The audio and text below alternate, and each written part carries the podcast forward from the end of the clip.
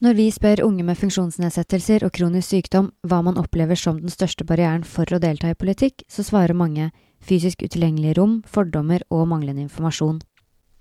Men når vi hører fra arrangørene som sitter på den andre sida, så er det derimot økonomi som ofte strekkes fram som det største hinderet for å inkludere bredere. Hvilke økonomiske rammer er det vi har å forholde oss til når det kommer til tilrettelegging, og hva er utfordringene? Og hva kan man som organisasjon, ungdomsparti eller lokallag gjøre selv?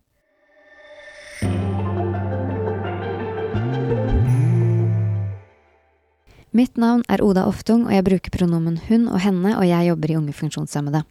Med meg i dag så har jeg med meg Unge funksjonshemmede sin egen styreleder Ingrid Tunem, som bruker pronomen de og dem, og hvis du hører en suselyd i bakgrunnen, så er det deres respirator. Jeg har også med meg Margrethe Bjørge Catanasjo, pronomen hun og henne. Hun er styreleder i Landsrådet for Norges barne- og ungdomsorganisasjoner, som er forkorta LNU. Velkommen. Hei, hei. Så hyggelig å være her. Hei, tusen takk. Vi kan jo starte litt med deg, Margrethe. Eh, som styreleder i LNU så kjenner jo du ungdomspolitikken og organiseringen av den, og ung frivillighet generelt. Hva er det dere opplever, eller hva er det du ser at det eh, kan oppstå av utfordringer når det kommer til dette her med ønske om til, tilrettelegging og økonomi? Mm. Um, først og fremst tror jeg det er veldig viktig at vi snakker om det, og kjempebra med f.eks. denne episoden. Og så tror jeg at det finnes et stort ønske i barne- og ungdomsorganisasjonen om å være så inkluderende som mulig, men som du sier, da, så blir fort økonomien barriere for at man kan legge til rette for mangfoldig deltakelse, eller for at alle skal kunne delta. Og det tror jeg handler om at ofte så, eh, så koster dessverre en del sånn tilretteleggingstiltak litt penger. F.eks. hvis man er vant til å ha alle samlingene sine på en skole som f.eks. ikke er tilrettelagt for at alle kan sove der, eller kanskje ikke den er universelt utforma i det hele tatt så koster det noen ganger litt penger å skulle flytte den samlinga til et annet lokale. Ofte så trenger man jo f.eks. være på ja, et hotell for å kunne ha ordentlig god universell tilrettelegging for overnatting og den type ting, og det er dessverre penger som organisasjonen ofte ikke har. Og det syns jo jeg er kjempesynd. Um, og jeg tenker liksom, det jo Det taper jo alle på, hele samfunnet og organisasjonene og Um, ja, ja, vi alle taper på akkurat det.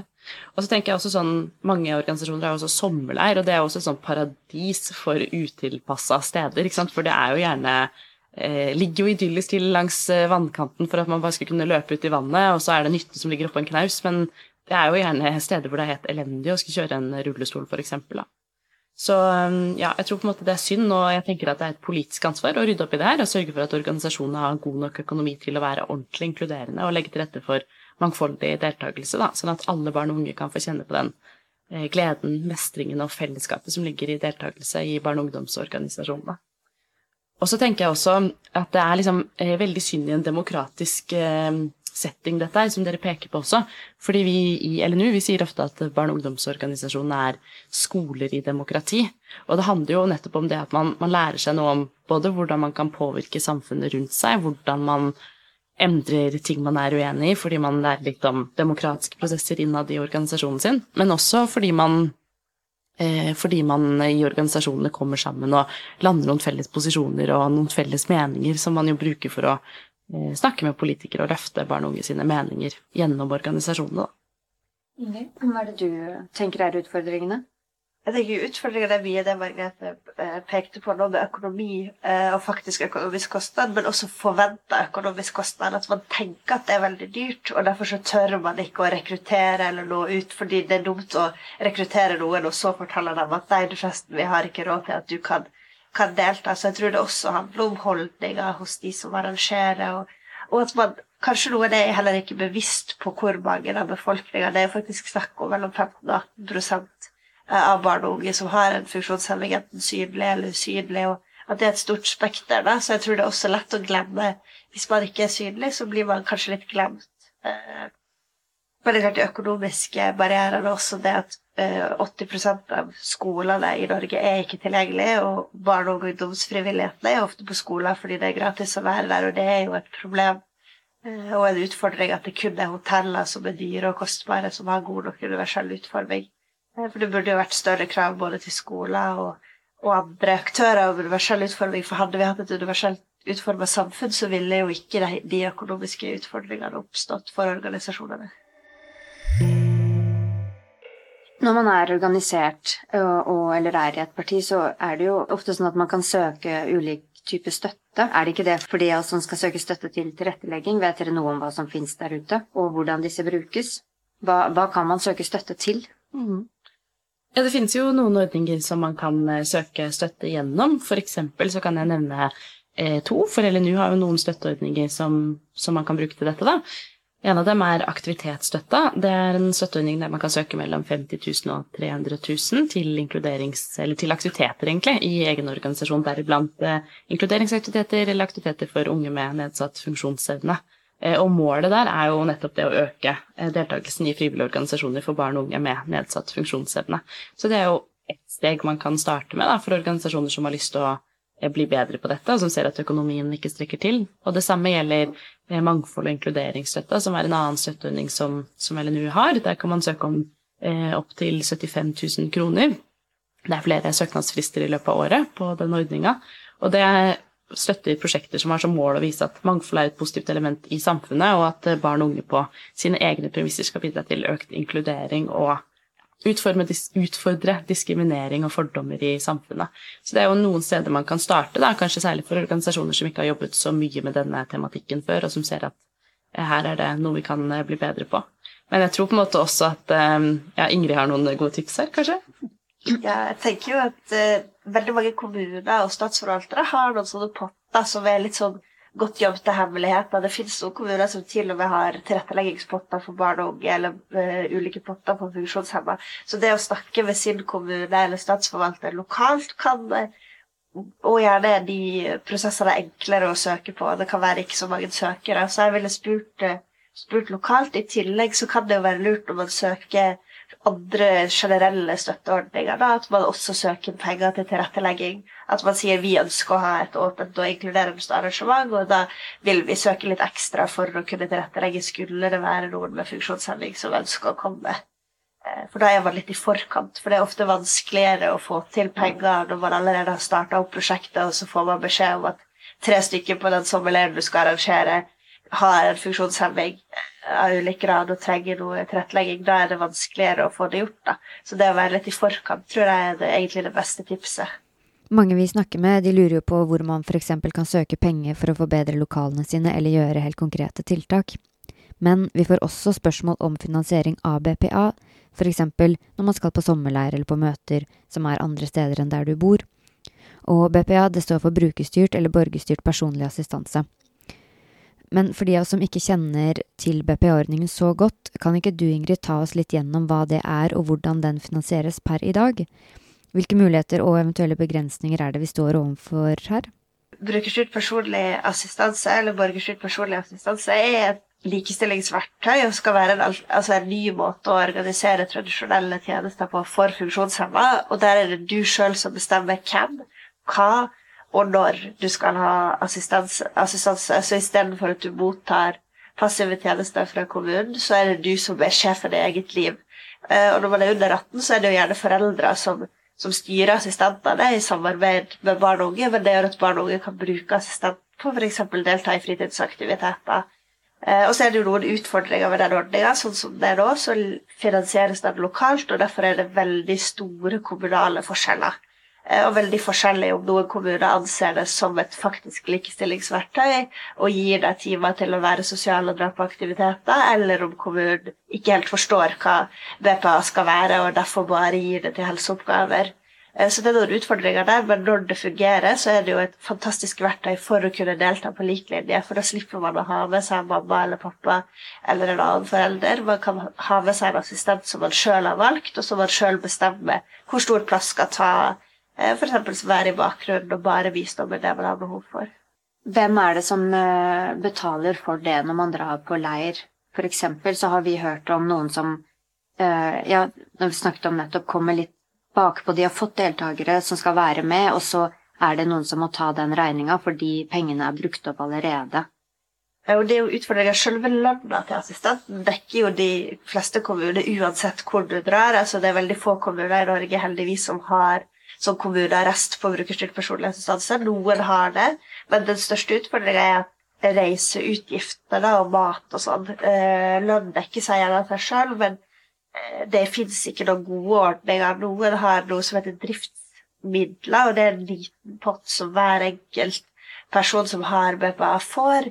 Eh, men det er veldig store forskjeller fra kommune til kommune om du i det hele tatt får det, og hvor mye du får lov å sette til sides. Eh, og da er det jo igjen en, et spørsmål. Da skal funksjonshemma sjøl stå for sitt assistansebehov eh, og ta disse driftsmidlene som kan være viktige å ha, f.eks. hvis du får en begravelse, eller hvis det oppstår noe akutt resten av året. Så det som ofte skjer, er jo at noen organisasjoner velger å si at vi tar inkludering på alvor, så vi tar assistansekostnaden.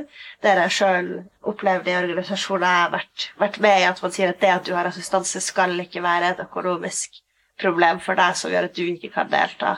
Eh, men da må jo sitte i organisasjonen med regning, da, så koster det plutselig kanskje dobbelt eller trippelt for å få en deltaker.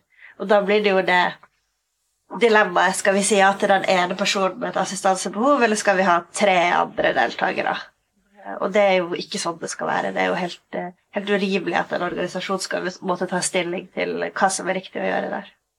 Helt urimelig, og jeg tenker på en måte dette er jo et eh, kjernepoeng i dette, hvor vi ser liksom at, at økonomi blir en barriere, da.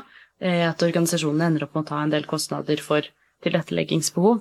Og da tenker jeg jo at Um, I Eldhuset snakker vi ofte om at å styrke frie midlene til barne- og ungdomsorganisasjoner faktisk er et viktig inkluderingstiltak, og det tror jeg jo, for det gjør jo at man har større økonomisk kapasitet til å, til å betale for assistenter eller, eller, andre som må være med for å støtte at noen kan delta på et seminar. Da. Så ja, jeg tror faktisk at det å styrke organisasjonsøkonomien bare generelt også er et viktig tiltak i denne settinga. Av og til så får vi forslag eh, om at eh, kan man ikke bare bruke de eh, ordningene som allerede fins? Altså i kommunene så har man støttekontakt, eller organisasjoner av og til også foreslår å lage egne ordninger internt. Hva, hva tenker du om det, Ingrid? Jeg tenker jo at støttekontakt er en dårlig løsning. altså Brukerstyrt personlig assistanse er jo laga for å erstatte støttekontakt, fordi det i større grad gir makt til den enkelte funksjonshemma til å bestemme sitt liv. I tillegg er Eh, de fleste BPA-ordninger har tariff, det har ikke støttekontaktordninger. Så det er noe med å ha en ordentlig og ryddig forhold for de som skal hjelpe oss. Eh, og i tillegg eh, det som handler med internt i organisasjonene, at man sier sånn ja, en fra lokallaget ditt kan være din assistent. Det kan jo funke for noen hvis man har små, små behov, og kan være en god løsning, men det er veldig viktig at man snakker med den det gjelder, og at den det gjelder, ikke føler seg pressa til å ta imot assistanse fra fra en venn. da, for Det kommer jo helt an på hva assistansen. Er det å bære en sekk, få hjelp med å, å, navigere, så kan det være det er greit. Men er det å gå på toalettet eller få bistand på, på, dusj, så kan vi alle tenke oss til at det ønsker vi jo ikke at et lokallagsleder skal gjøre. Det, det skal noen som er ansatt og får lønn for det, gjøre. Så, så, jeg tenker, skal man gå for interne løsninger, så er det viktig at man tenker på på verdigheten til den enkelte. Da, at man ikke skal føle seg som en byrde i, i sin organisasjon med de økonomiske rammene som er nå, bare for å se litt på mulighetene som vi faktisk har, og veien videre, eh, hva er det dere tenker at man egentlig kan gjøre nå? Jeg tenker jo et råd jeg har fått, høre, er liksom snakke med de det gjelder. Snakke med liksom, eh, målgruppa. Bruk funkisorganisasjonene for det det har vært. Hvordan eh, gjør vi egentlig tilretteleggingstiltak i organisasjonen vår på en, på en enkel måte? er liksom ett viktig steg. Og så er det jo det å tenke på dette når man lager budsjetter og aktivitetsplaner, at man budsjetterer med litt ekstra til reise, eller at man eh, ja, planlegger for at man kanskje må legge noen arrangementer til hoteller som koster litt mer, og at man der kan ha universell tilrettelegging, da. Og så tror jeg jo også at, eh, at man kan bli bedre på å søke eh, støtteordninger til disse Eller til inkluderingstiltak da, i organisasjonen. Bruke de ordningene som finnes. Jeg nevnte jo aktivitetsstøtta, mangfold- og inkluderingsstøtta. og liksom sette av litt tid til å faktisk eh, søke inn nye midler til dette i organisasjonene. Det jeg tenker er at Vi sammen må jobbe politisk for å endre situasjonen. da. Eh, barrierefri fritid, som er et prosjekt i Unge funksjonshemmede, kan jo gi skolering og, og tips og råd til hvordan man kan forholde seg innenfor dagens rammer. Men hovedutfordringa er jo at dagens ramme ikke er tilpassa for å sikre at barn og unge med funksjonshemming skal ha like og reelle muligheter til å delta. Og da er jo i NOU-en på høytid, så blir det jo foreslått eh, å opprette en pott som eller du kan ha som spesifikt skal gå på tilretteleggingstilskudd, der man kan få en rampe, bistand til akkurat den flybilletten, og det skal være lett og ubyråkratisk å få tak i de pengene. Og det kan være både fysiske ting og mer sånn abstrakte ting som, som en tolk eller synstolk av en film. Og sånne ting. Og det tror jeg er viktig, da, at vi står litt sammen og sier, gir krav til politikerne om at dette er noe man trenger. Og, og jeg har også tiltro til at LRNU er riktig eh, instans til å, å, klare å formidle de midlene på en god måte, da, fordi man har de gode systemene man har i dag, men så mangler kanskje Aktivitetsstøtta og inkluderingsstøtta er fantastisk bra, men det mangler den der 'jeg trenger 3000 til rullestolrampe, og jeg trenger det i morgen'. Eh, og det tror jeg vi har behov for hvis vi skal sikre reell likestilling for, for barn og unge. Absolutt, det tror jeg er eh, ja, helt uh, kjempegodt poeng. Og jeg tror også at man mangler eh, fordi det finnes mange prosjektstøtteordninger, men det finnes ikke så mange ordninger der man er sånn dette er ikke et prosjekt, vi trenger denne tingen, eller vi trenger penger til å betale for denne assistenten, eller til eh, en ekstra Eh, person som skal være på seminaret, ikke som deltaker, men som, som, assistent. Da. Og det at det finnes en ordning for å dekke inn de kostnadene som jo organisasjonene som du pekte på, Ingrid, i dag blir sittende igjen med uten at det egentlig skulle trenge å være nødvendig. fordi det er jo ikke eller Dette er jo på en måte det som trengs for å faktisk være inkluderende organisasjoner. Da. Det tror jeg er eh, nøkkelpoeng her. Og i det så tror jeg også organisasjonene kan gjøre mye med å, å løfte dette politisk og peke på at uh, skal alle barn og unge få delta, så krever det faktisk at politikere er villige til å satse på disse tingene. Det krever en, en styrking av BPA-ordninga, det krever egne ordninger for tilretteleggingstiltak som ikke nødvendigvis er prosjekter, og det krever også at, at støtta til barne- og ungdomsorganisasjonene øker, sånn at de har bedre kapasitet til å være inkluderende organisasjoner. En ting er jo at det er viktig med gode nasjonale økonomiske støtteordninger og ordninger generelt, men hva med, hva med kommunene der hvor mange av lokallagene holder til til vanlig? Er det også noe som burde på en måte legges mer press på at det skal være etablert noe godt her for alle, egentlig? Hvis jeg skal liksom synse rundt det umiddelbart, så tenker jeg jo at eh, at ja, inntil et visst nivå er det viktig og bra, men det er også noe med for lokallagene å sette seg inn i hvordan de ulike ordningene fungerer overalt, som kan være på en måte vanskelig, kanskje særlig hvis det finnes ulike krav eller liksom kriterier i de ulike kommunene. da, Så må man sikre at det er, det er enkelt for organisasjonene å bruke de kommunale støtteordningene som er, særlig fordi i organisasjonene så er det ofte sånn at man har ansatte nasjonalt, men man har ikke ansatte lokalt. Og det gjør det enda viktigere at de støtteordningene som er lokale, er lette å søke på, da, sånn at frivillige ikke trenger å bruke masse av fritida si, masse av liksom, tida de er engasjert på å drive og lese kompliserte retningslinjer og skrive lange søknader og bruke masse tid på rapportering. For det, jo, det blir jo til en terskel som gjør at man kanskje ender opp med å ikke søke de pottene. At de ikke blir brukt. Eller at de brukes av liksom, større organisasjoner som kanskje har lokalt ansatte. Og det mm. tenker jeg liksom er noe med, med det fine i barne- og ungdomsorganisasjonen også, at det er det skjer av og med og for barn og unge på barn og unges egne premisser. Og da må man også legge til rette for det i, i inkluderingspolitikken og i, ja, i funkispolitikken. Jeg tenker jo at lokal ordning er bra, men det kan også være vanskelig å skjønne og, og få kjennskap til de lokale ordningene. Da har man en god nasjonal ordning som man kan reklamere godt for og gi mye kunnskap til, så tror jeg jo det er lettere eh, å få til enn en lokalt, da, nettopp fordi det er så store kommunale forskjeller. Og man ser jo at, at de kommunale forskjellene er en av de, de største menneskerettighetsbruddene for personer med funksjonshemming. Og da tror jeg nok at skal vi løse de utfordringene her, så kan vi ikke legge ansvaret på kommunene, men vi må ha en, en overordna pott som forvaltes av noen som, eh, som ikke har noe å vinne på, på å holde igjen, og ikke la noen finne ut om den potten. Så Derfor tror jeg at det er viktig at LLU får en sånn pott. Så tenker jeg også, Det skal ikke være sånn at fordi du bor i en kommune der politikerne er opptatt av funkispolitikk, så får du delta, mens hvis du bor i en kommune der politikerne har glemt det, eller liksom ikke er like gode, da, så får du ikke det. Nettopp. Det er jo forferdelig trist. Mm. Postnummeret skal liksom ikke avgjøre om du er likestilt eller ikke, og da tror jeg det er viktig at vi tenker nasjonale potter. Altså, også liksom noe med ja, for liksom deltakelse på nasjonale arrangementer. At du ikke skal få beskjed om sånn, nei, denne støtteordningen kan du bare bruke i lokallaget ditt. Du kan ikke bruke den til å dra på sommerleir eller til å dra på vinterseminar eller hva nå enn eh, som man har lyst til, da. Nå er det mm, kort tid til eh, kommunevalget og et par år til neste stortingsvalg. Hva er det dere håper kommer til å skje frem til Ja, la oss si dere kan velge hvilket valg, men nå og fremover. Jeg tenker jo Først og fremst så håper jeg jo at de interne partiene ser på listene sine og ser på hvem som kommer hos oss. Har vi alle representert, uavhengig av om det er funksjonshemming, etnisitet, seksuell legning eller kjønnsidentitet? Man, man tar en liten innsjekk. da. Hvem er det som står på valg hos oss? Hvem er det vi lytter til? Eh, hvem er det som kommer på de høringsrundene vi har når vi skal lage våre politiske program? Er det noen vi ikke hører stemmer til, og så oppsøke f.eks. funksjonshemmede sine organisasjoner eller andre for å sikre at man, man får høre de stemmene som ikke slipper til. Eh, og så tror jeg det er viktig at man som kommunepolitiker velger å forholde seg til de eh, konvensjonene vi har signert som, som land. Da. fordi det er jo ikke sånn at når Norge som land signerer menneskerettighetene til funksjonshemmede, så gjelder det kun på statnivå. Det gjelder jo også i hver enkelt kommune. Eh, og det er det mange politikere som ikke forholder seg til i dag. Så jeg tror det å få økt kunnskap om om fylkeskonvensjonen ser på det, vil kunne styrke forholdene i hver enkelt kommune. For da må man anerkjenne at det er faktisk menneskerettighetene det her handler om.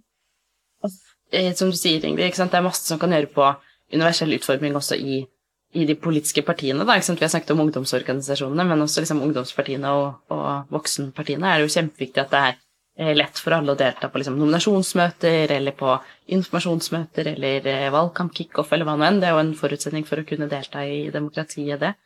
Eh, så det tenker jeg er et kjempeviktig poeng. Og så tror jeg jo, eller jeg håper jo at dette er på en måte noe man har med seg, at det er fokus på det. At barn og unges deltakelse er så enormt viktig. Da. Det handler jo om at barn og unge skal få lov til å drive med det de virkelig liksom brenner for og engasjerer seg for, og at barn og unge skal få mulighet til å skjønne det at stemmen min betyr noe. Det at jeg engasjerer meg, det kan faktisk være med å endre samfunnet rundt meg, og eh, det betyr noe når jeg hever stemmen min, og sammen så kan vi faktisk endre lokalsamfunnene våre og verden rundt oss, da. Så mm, det tenker jeg at jeg ønsker meg fokus på i valgkampen. Nei, med flertall, ja. Dette er en podkast laget av unge funksjonshemmede med støtte fra Bufdir.